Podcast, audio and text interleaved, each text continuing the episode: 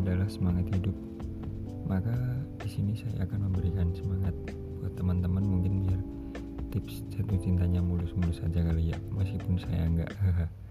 Oke, baik, selamat datang dan selamat mendengarkan di podcast ngobrol bareng Adit di episode jatuh cinta.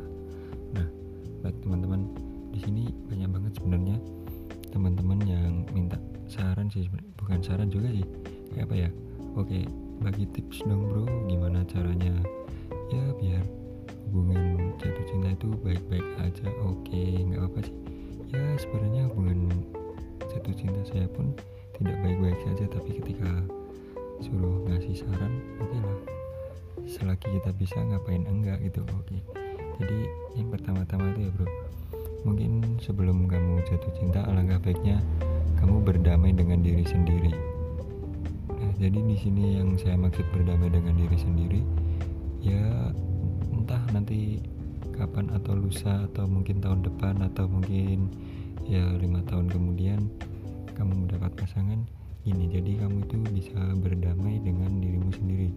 Misal ada masalah berat atau apa paling enggak kamu bisa ngatasi dari berdamai dengan dirimu sendiri. Misal kamu bisa bahagia dengan cara nonton drakor mungkin just do lah bro. Gak perlu apa-apa itu semua tentang pasanganmu oke? Okay? jadi terapkan prinsip itu dulu. Lalu berikutnya itu ada prinsip ini. Mungkin banyak orang yang mengatakan ini sebuah klise dan mungkin ah apaan sih? Gak mutu. Tapi menurutku itu sangat penting banget sih bro. Misal lo bisa bersyukur dengan diri lo sendiri.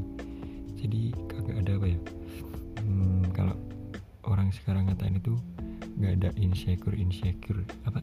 Ya itulah insecure. Nah, jadi lo bersyukur dengan diri lo sendiri. Jadi nanti kelak jika kalian punya pasangan ya it's okay lah bro boleh lah. Mungkin pasangan lo menuntut kamu ganteng kalau pakai baju ini kamu cantik kalau pakai baju ini.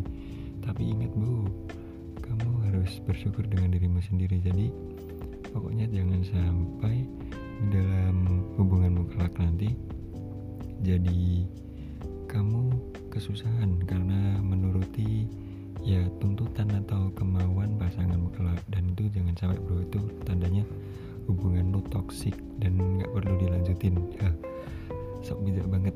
Oke berikutnya kalau menurut Adit itu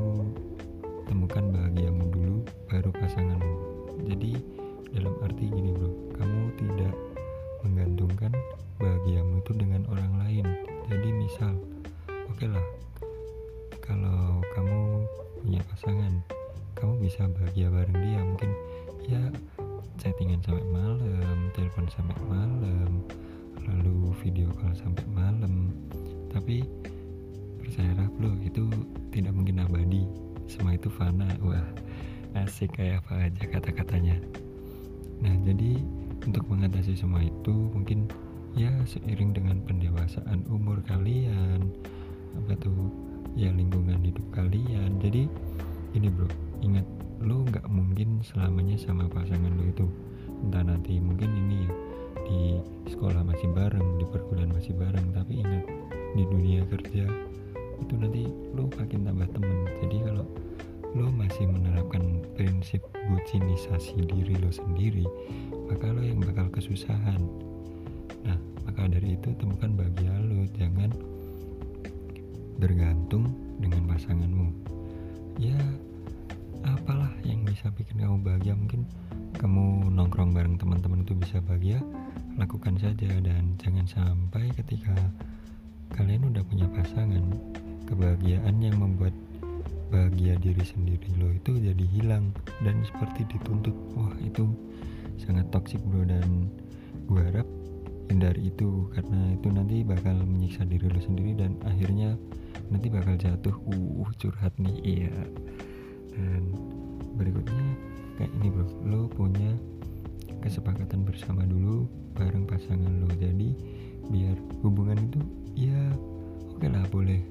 Kayak kata orang-orang tua gitu katanya lu boleh menjalin hubungan asal buat semangat hidup lu buat semangat sekolahmu kuliahmu kerjamu itu benar bro.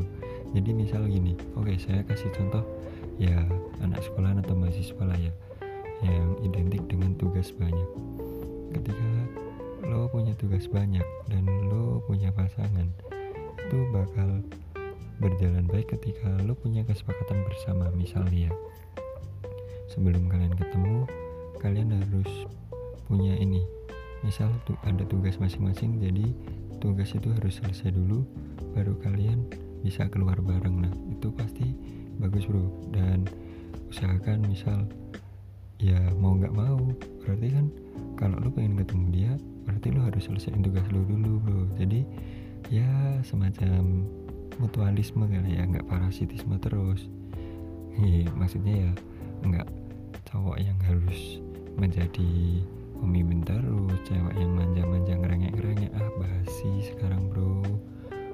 Oke jadi mungkin kalau Adit bisa ngasih sarannya di situ aja ya. Mungkin ya buat teman-teman semangat yang masih mengejar cintanya. Oke semangat juga diriku. Lalu yang udah punya ya usahain lah bro. Jangan sampai hubungan itu hubungan yang toksik dan menyiksa diri lo sendiri. Pokoknya apa pun bahagiamu sesederhana pun bahagiamu dengan pasanganmu just do it bro. Lakukan itu saja. Jadi nggak usah iri sama pasangan-pasangan lain. Oke teman-teman mungkin kita akan berjumpa lagi di podcast episode berikutnya. Jangan bosan jadi teman ngobrol adit ya. See you